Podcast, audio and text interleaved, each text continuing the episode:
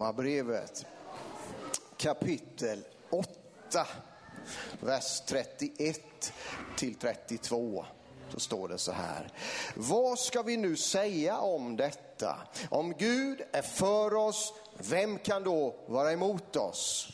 Han som inte skonade sin egen son utan utlämnade honom för oss alla. Hur skulle han kunna annat än också skänka oss allt med honom? Jag vill bara uppmuntra dig och mig att, att ta det här Guds ordet på allvar i ditt liv, i vårt liv, i vårt gemensamma församlingsliv.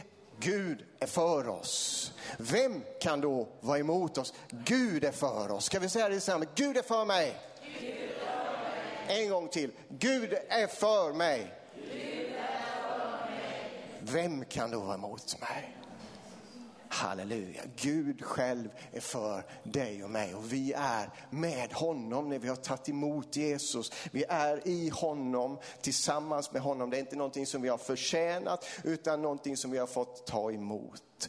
Gud är för oss. Och, det säger vi i de här omständigheterna som är nu. Nu pratar man lågkonjunktur och, och svacka och neråt och allting. Men Gud är för oss. Han är för oss mitt i alltihopa. Nu har vi ju en en pingstpastor här som kommer tala med oss idag. Då tänker vi på Levi Petrus eh, som bygger den stora Philadelphia-kyrkan i Stockholm och det är på 30-talet om jag inte minns fel. Alltså det är en svår tid i landet. Han bygger Europas största frikyrkobyggnad, kanske ja, en av de största i världen på den tiden. Ett fantastiskt mirakel för Gud är för sin församling i alla tider. Vi tar och ber tillsammans och så får du chansen att ge till arbetet här.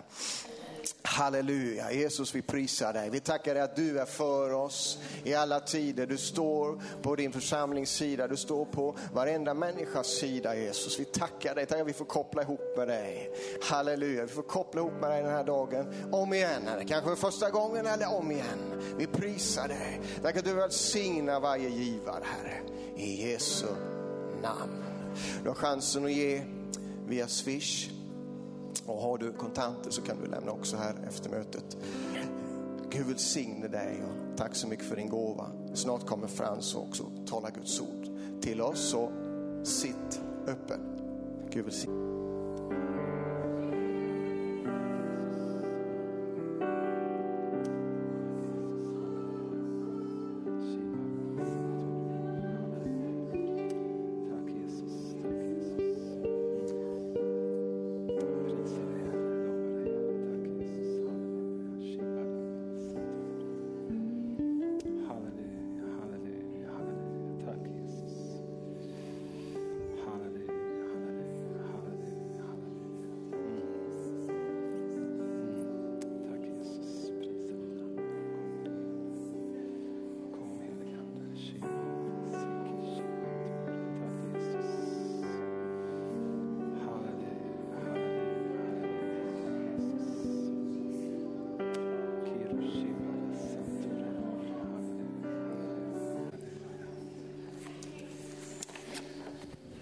Så underbart med den här lovsången. Så underbart med Guds närvaro, verkligen. Och så underbart för mig att få vara hos er. Det känner jag verkligen. Det är ju så roligt. Jag känner igen en eh, hel del ansikten. Men eh, inte alla, långt ifrån alla. Så är det eh, Men det känns väldigt gott. Peter ser jag ner också, det var roligt att se Peter. Ja. Härligt. Ehm, ja, jag är ju pastor i Stockaryd som ni har hört här. Och eh, det har jag varit eh, sedan 2016. Så det är några år. Eh, och annars så bor jag och min familj i Nässjö. Finns det någon bättre plats på jorden egentligen? Nej, det gör det inte. Så är det. Så jag är en sån där pendlande pastor. Ehm, och det har jag varit eh, en stor del av mitt, eh, mitt pastorsliv faktiskt. Eh, innan Stockaryd så jobbade jag i Adelövs pingstförsamling. Vem vet vart Adelöv ligger? Oj, oj, oj, oj, oj. Det är bra. Det ligger mellan Gränna och Tranås. Så är det. Så då pendlade jag dit.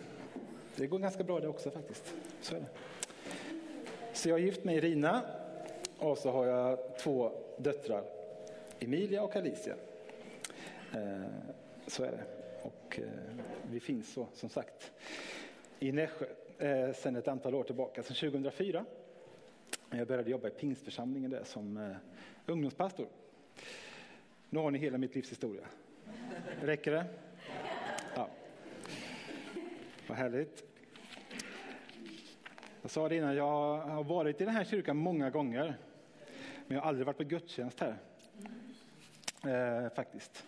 Tror jag inte. Tror jag inte jag har. Nej, jag har inte. Eh, så det känns väldigt roligt eh, att få dela den här gemenskapen och få förmånen att få dela någonting också från Guds ord. Eh, I eh, Stockaryd så har vi en av dem som återkommande leder våra gudstjänster. Han säger alltid så här. Jag vill inget veta vad du ska prata om.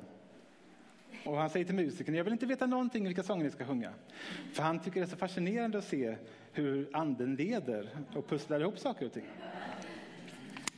Eh, och jag tycker också det är fantastiskt eh, fascinerande att få uppleva det. Eh, och när man själv ibland känner sig tveksam, nu blottar jag ju predikantens hjärta här som ni förstår, men man känner bara, men det här jag har tänkt att säga idag, det här jag tänkt att läsa, är det verkligen, är det rätt Gud? Är det så? Och så får vi ett inledningsord här som eh, eh, tar den sista delen av det jag tänker inleda med. Eh, så det kändes klockrent faktiskt, jag är jätteglad för det. Jag vill börja med att säga så här att jag tänker mycket för Guds församling i den här tiden som vi lever i. Så tänker jag man kan ha ett par olika val att göra som en, en troende människa. När man tycker att samtiden och tiden vi lever i blir svårare, mörkare.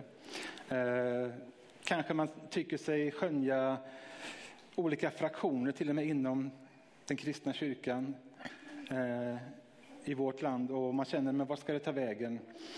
Och, och folk eh, utanför vår gemenskap kanske i vissa fall får mer liksom, tydliga Eh, vad ska man säga, åsikter och tankar att det här är det enda acceptabla att tänka och tycka i olika frågor. Eh, och så kommer du och jag där kanske och så tycker vi inte som majoriteten eller en del andra tycker. Och så kan man känna, ska jag, ska jag säga vad jag tänker och tycker egentligen? Eller ska, jag, ska jag vara tyst och vara lite försiktig och röra mig lite i bakgrunden liksom? Och jag har tänkt så här, eh, det är inte jag som har tänkt, det är faktiskt Jesus som har tänkt tror jag. Eh, han, eh, han säger att jag är världens ljus, säger Jesus. Eh, och den som tror på mig, han har livets ljus. Eh, för att lysa upp den här mörka världen. Och jag har känt att eh, men, det har varit lika viktigt givetvis i alla tider, men någonstans kändes, känns det som att i vår tid och tiden som ligger framför, vad det nu än är som dagarna har att bjuda oss, så är det viktigt att vi vågar vara sanna efterföljare av Jesus. Våga stå för det som är Guds sanningar. Att vi vågar göra skillnad i samhället. Att vi vågar komma med det ljuset som vi inte själva kunnat ta oss utan som vi har fått av nåd genom tron på Jesus. Att det ljuset kan få lysa upp en människas tillvaro och liv. Lysa vägen för en människa fram till Gud.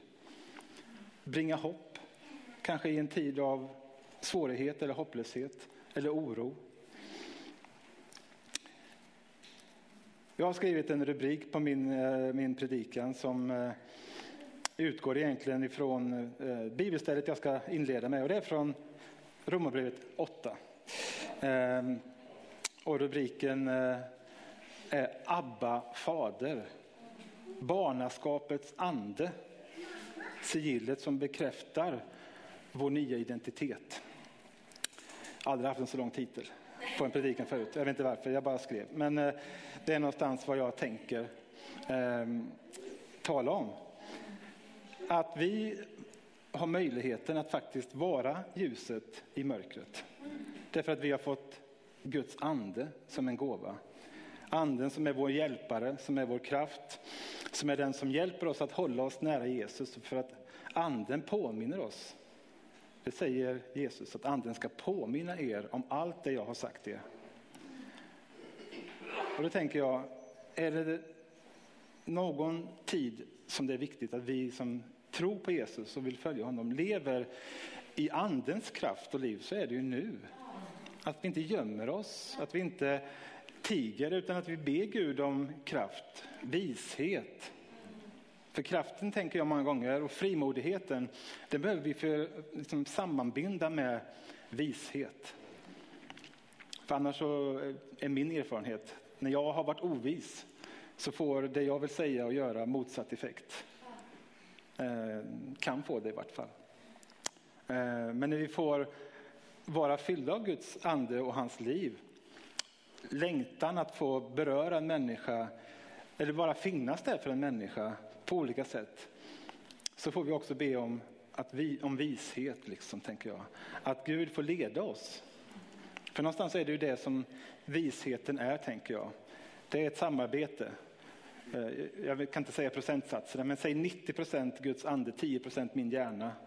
Och så får vi samarbeta på något sätt, så blir det bra. Nu ska jag läsa. Och jag läser ifrån Romarbrevet 8, vers 9 och en bit framåt.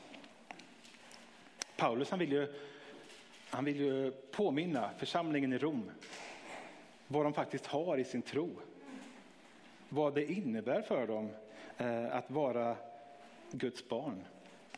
Eh, han gör det inför sin tredje missionsresa när han planerar att svänga förbi på väg till Spanien. Han kom inte till Spanien, det vet ni som har läst Bibeln. Men han kom till Rom. Så här står det. Ni däremot lever inte efter köttet utan efter anden eftersom Guds ande bor i er. Den som inte har Kristi ande tillhör inte honom. Men om Kristus bor i er är visserligen kroppen död för syndens skull, men anden är liv för rättfärdighetens skull.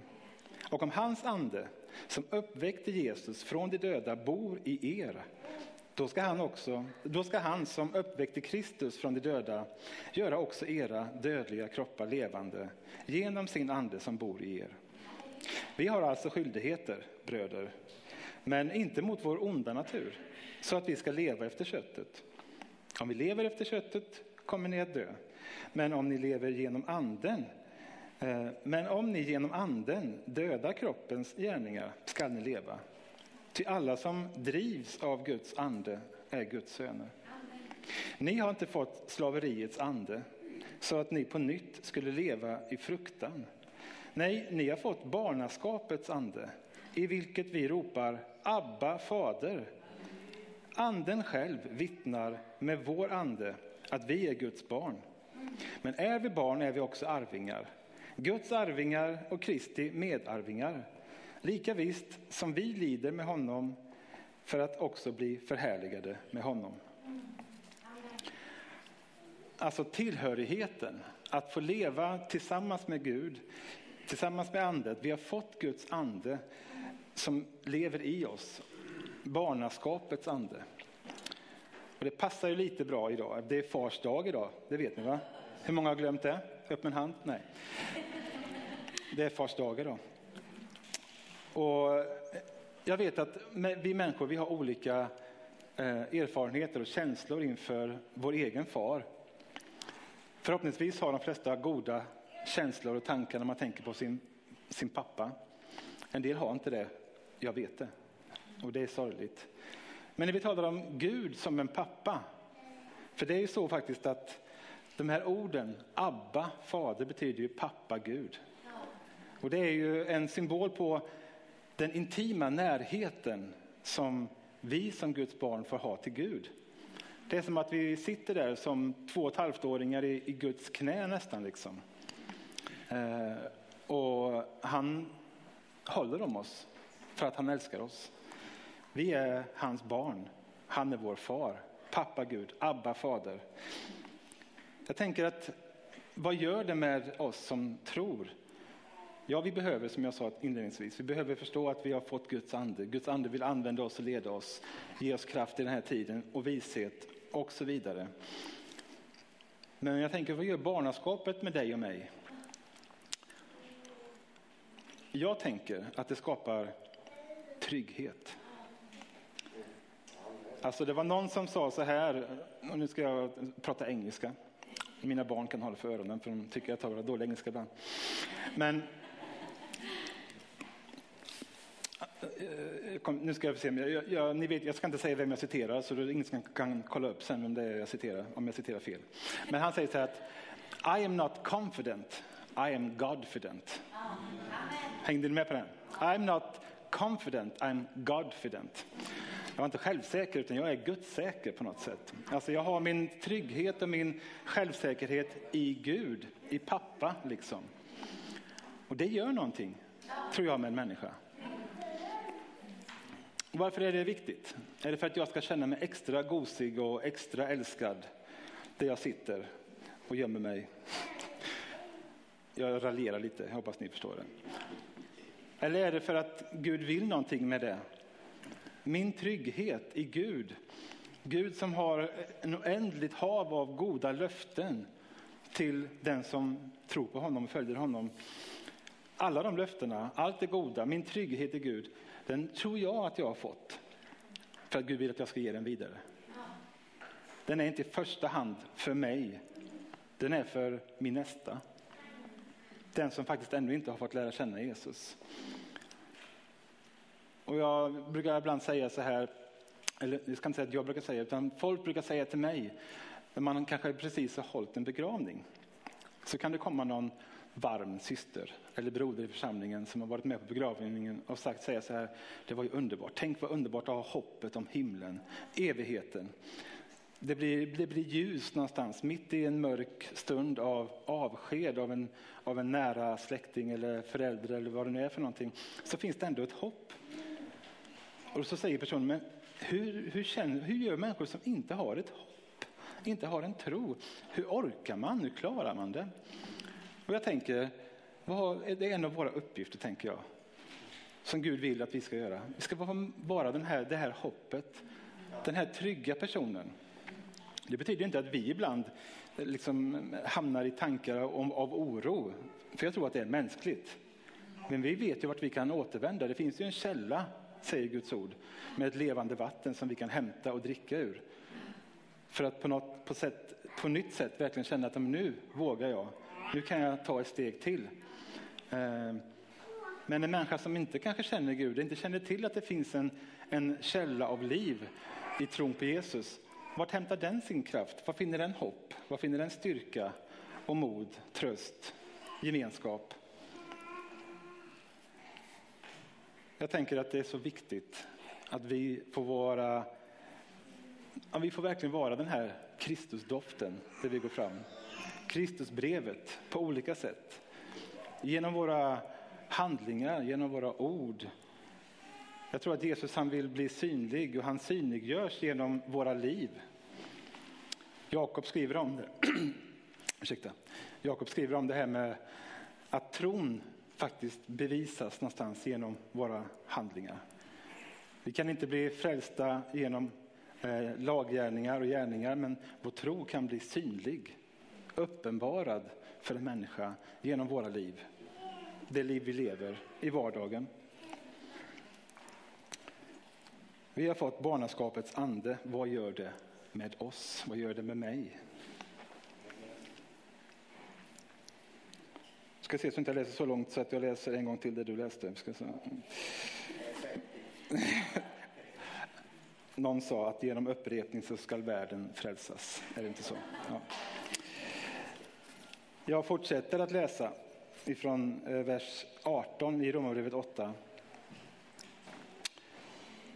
Och då står det så här, och jag tänker kanske läsa vidare lite grann då. Eh, jag hävdar att den här tidens lidanden väger lätt i jämförelse med den härlighet som kommer att uppenbaras och bli vår. Ty skapelsen väntar ivrigt på att Guds barn skall uppenbaras. Skapelsen har ju blivit lagd under förgängelsen, inte av egen vilja, utan genom honom som lade den därunder. Ändå finns det hopp om att också skapelsen ska befrias från sitt slaveri under förgängelsen och nå fram till Guds barns härliga frihet. Vi vet att hela skapelsen ännu samfällt suckar och våndas. Och inte bara den, utan också vi som har fått anden som förstlingsfrukt. Också vi suckar inom oss och väntar på barnaskapet, vår kropps förlossning. Ty i hoppet är vi frälsta. Men ett hopp som man ser uppfyllt är inte längre något hopp. Vem hoppas på något som man redan ser? Men om vi hoppas på det vi inte ser så väntar vi uthålligt.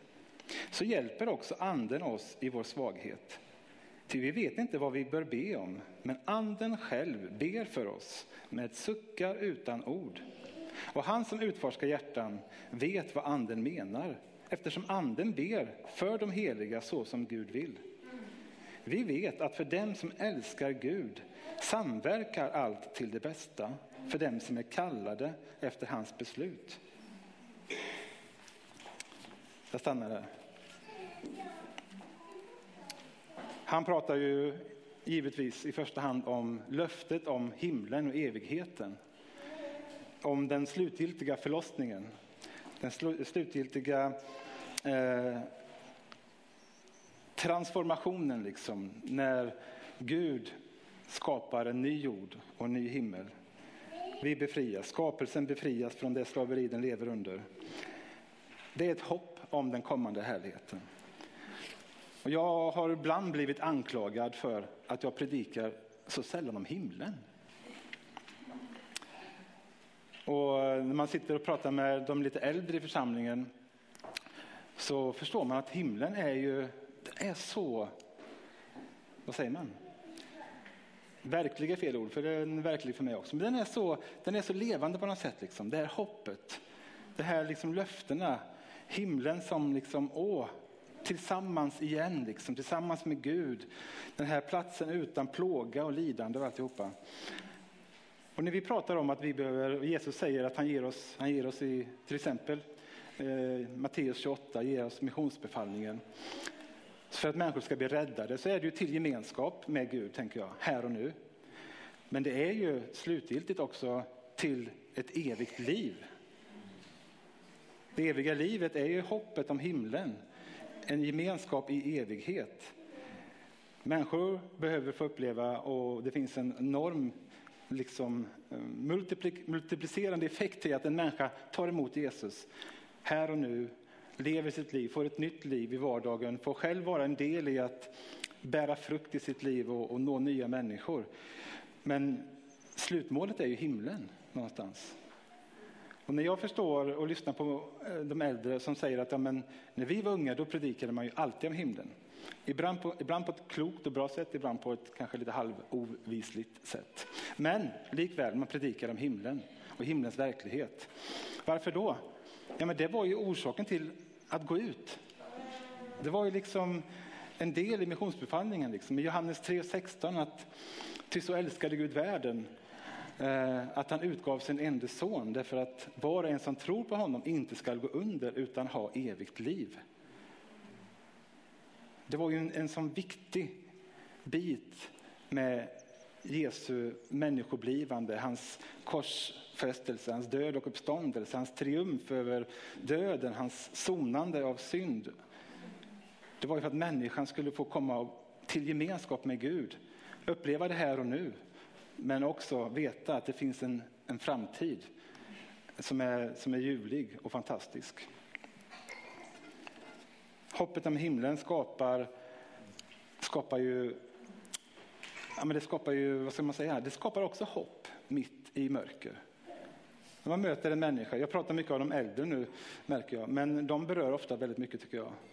Därför att de, deras liv är ett enda långt vittnesbörd många gånger på att Gud är trofast, att han är sann.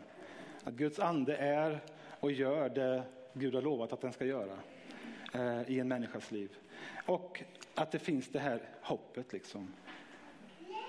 Och människor som säger att ja, men jag har varit med om det här och det här och jag drabbades av det här och av det här. Och man känner bara, och hjälp, jag bara trycks ner av allt jobbigt en människa har upplevt under ett långt liv. Och så säger de, ja men Gud har varit med genom allt. Han har burit. Det har inte varit lätt alltid, men han har alltid burit. Han har alltid varit där, han har alltid funnits där. Han är på riktigt liksom. Och det där tänker jag, men det där behöver ju människor få tag på. Och hur ska de få det? Jo men, mm. Peter gillar ju mission, det vet ni. Alltså vi är ju missionärer allihopa. Vi, varför heter det missionsbefallningen? När jag var liten trodde jag att den bibelstället, Johannes 3.16, det var ju, nej säger jag, ni vet Matteus 28, det var ju egentligen bara för de som åkte utomlands. Helst i Afrika. Eh, för det var dit våra missionärer i min hemförsamling åkte. Liksom. Det var det man kände till. Men mission, missionsbefallningen är ju till oss alla. Att vi får gå ut. Vi får vara liksom, människofiskare som Jesus. Vi får möta människor. Eh, och jag tänker att i den här tiden så är det viktigare än någonsin att vi förstår vad vi har i vår tro, att vi har ett hopp och att Gud genom den heliga Ande ger oss mod, vishet och kraft och vilja att förmedla den. Att han fyller våra hjärtan med den kärleken. Nu ska jag snart avrunda. Jag har säkert predikat för länge. I Fesebrevet så skriver Paulus så här i det första kapitlet eh, och vers 13 och framåt. Han säger så här, han pratar om Jesus. I honom har också ni, sedan ni hört det sanna budskapet, evangeliet om er frälsning. Ja, i honom har också ni, sedan ni kommit till tro, tagit emot den utlovade helige ande som ett sigill. Anden är en handpenning på vårt arv av hans eget folk, att hans eget folk skall förlossas för att hans härlighet skall prisas.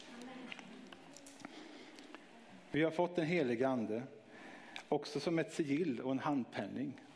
Och då tänker jag att det, det är också någonting som hjälper dig och mig i våran vardag, i våra olika umbäranden och bekymmer.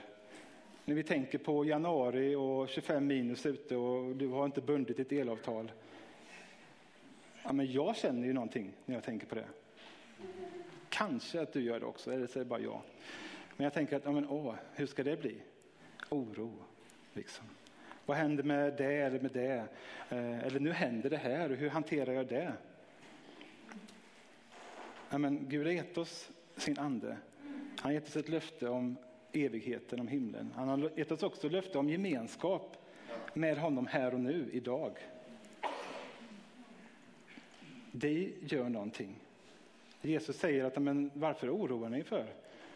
Ni ser ju att fåglarna har vad de, nu trans, vet det, transkriberar jag säga, men fåglarna har vad de ska ha. Blommorna blommar. Liksom jag ser till att allting fungerar. Skulle jag inte bry mig om er? Liksom.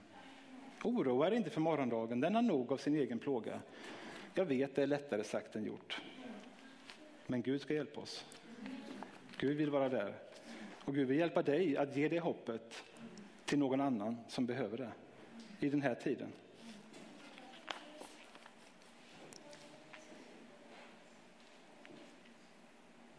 Orkar ni? Det har varit mycket bibel idag. Visst är det gött? Alltså jag, jag, jag gillar ju att läsa Bibeln när jag predikar för att eh, jag tänker läser jag Bibeln så blir det inte fel. Det är ganska enkelt tänker jag på det sättet. Så. Jag fortsätter faktiskt i Efesierbrevet. Jag läste eh, 13 och 14, nu ska jag börja på vers 15. Kapitel 1. Sedan jag har hört om er tro i Herren Jesus och er kärlek till alla de heliga upphör jag inte att tacka Gud för er när jag nämner er i mina böner. Jag ber att vår Herre Jesu Kristi Gud, härlighetens fader, ska ge er vishetens och uppenbarelsens ande. Kolla, han är både vishetens och uppenbarelsens ande. Så vi får det av honom. Mm. Så att ni får en rätt kunskap om honom. Jag ber att era hjärtan ska upplysas så att ni förstår vilket hopp han har kallat er till och hur rikt, hur rikt på härlighet hans arv är bland de heliga och hur oerhört stor hans makt är i oss som tror därför att hans väldiga kraft är verksam. Visst är det underbart? Jag behöver inte göra det här som Gud vill i min kraft. Jag kan inte göra det i min kraft. Men i hans kraft finns det ingenting som är omöjligt. Med denna kraft verkade han i Kristus när han uppväckte honom från de döda och satte honom på sin högra sida i himlen, över alla furstar och väldigheter, makter och herradömen, ja, över alla, ja, över alla namn som kan nämnas, inte bara i denna tidsålder, utan också i den kommande. Allt lade han under hans fötter, och honom som är huvud över allting gav han åt församlingen, som är hans kropp, fullheten av honom som uppfyller allt i alla. De här orden blir jag rörd av för att eh, de är så svåra att ta till sig. Tänk att Jesus, Guds ande, Jesus Kristus, han är fullheten av Gud och han bor i var och en som har sagt sitt ja till honom. Fullheten av honom som uppfyller allt eh, i alla. Han har gett oss eh, församlingen som ett redskap, som en möjlighet att föra ut de goda nyheterna om räddning, om hopp och liv och liv i evighet. Han har gett oss evangelium. Tänk att vi får vara bärare av det. Tänk att få dela med sig av de goda nyheterna till någon. Att se en människa förvandlas, se en människas liv ta en annan väg. Varför kallas det för omvändelse? För, ja, men man vänder ju någonstans, tänker jag. Man är på väg åt ett håll, sen går man åt ett annat håll. Ni var och besökte eh, Staxets eh, det här behandlingshemmet för kvinnor. Och den här församlingen, mer än de flesta församlingar, känner ju till Sebastian, det vet jag. Ni vet vem han är mycket väl. Men hans liv är ett sådant fantastiskt exempel. På väg åt ett håll, ganska tydligt. Dessutom nerför. Och så möter han Jesus. Och så vänder det. Och han är ett av miljontals exempel. Det är det som är det underbara. Och det kan vi få vara med och se mer av. Jag vill se mer av det. Jag vill se det hända. Jag vet att det kan hända. Jag har sett det hända. Jag vill se mer. Att Gud får göra mer. Därför att det är så viktigt. Därför att Gud vill, Gud längtar. Han längtar att alla människor ska komma till tro, står det. Få förstå vad sanningen är. Han längtar efter gemenskap med alla. Eh, och han har satt oss som ett redskap. Han har valt det. Det är klart han skulle kunna lösa allt utan oss. Han är ju Gud liksom. Men han har valt att använda människor i sin tjänst. Och det är nåd. Ska vi be tillsammans vänner? Jesus, jag tackar dig för att, eh, att du är här Jesus. Tack att din ande är här just den här stunden. Tack att vi inte behöver eh, känna att vi behöver prestera i vår egen kraft, Herre. Att det inte kommer an på hur fantastiskt duktiga vi är eller, eller något sådant, utan oavsett vem vi är så älskar du oss. Oavsett vilken bakgrund vi har, oavsett vilket liv vi lever idag, så älskar du oss, Herre. Så vill du leva tillsammans med oss. Du vill använda oss, du vill fylla oss med din ande. Du vill ge oss kraft och vishet, Herre. Du vill uppenbara Jesus för oss ännu mer, Herre. Du vill vidga vårt hjärta, Herre, så vi kan älska dig ännu mer, Herre.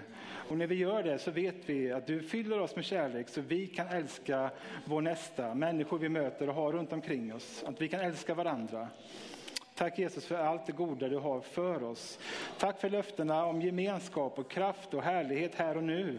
Men tack Jesus för löftena om en evighet också Herre, i ditt rike Herre. Ett rike som vi bara kan föreställa oss, Herre Jesus. Som ditt ord beskriver lite, Herre. Vi önskar det stod mer. Men Jesus, tack för att det är ett, ett rike av, av fullkomlig frihet, Herre. Av fullkomlig härlighet.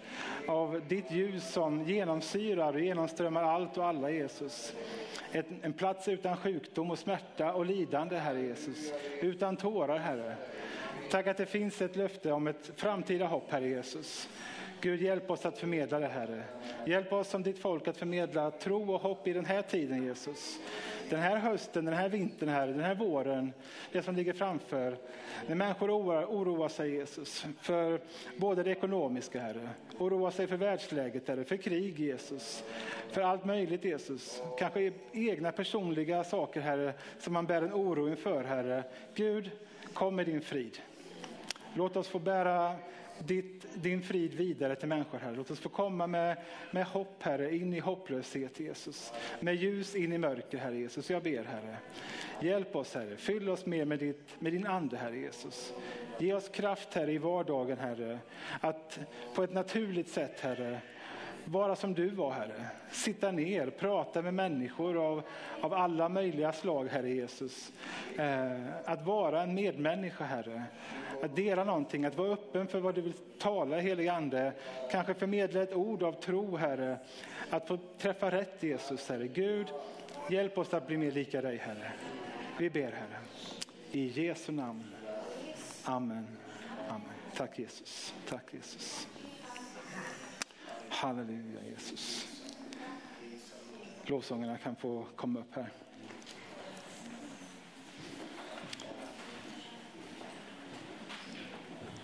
När jag var lite yngre så tänkte jag att eh, det här med att överlåta sig till Gud, det gjorde man en gång. När man sa ja till Jesus och kom till tro kanske.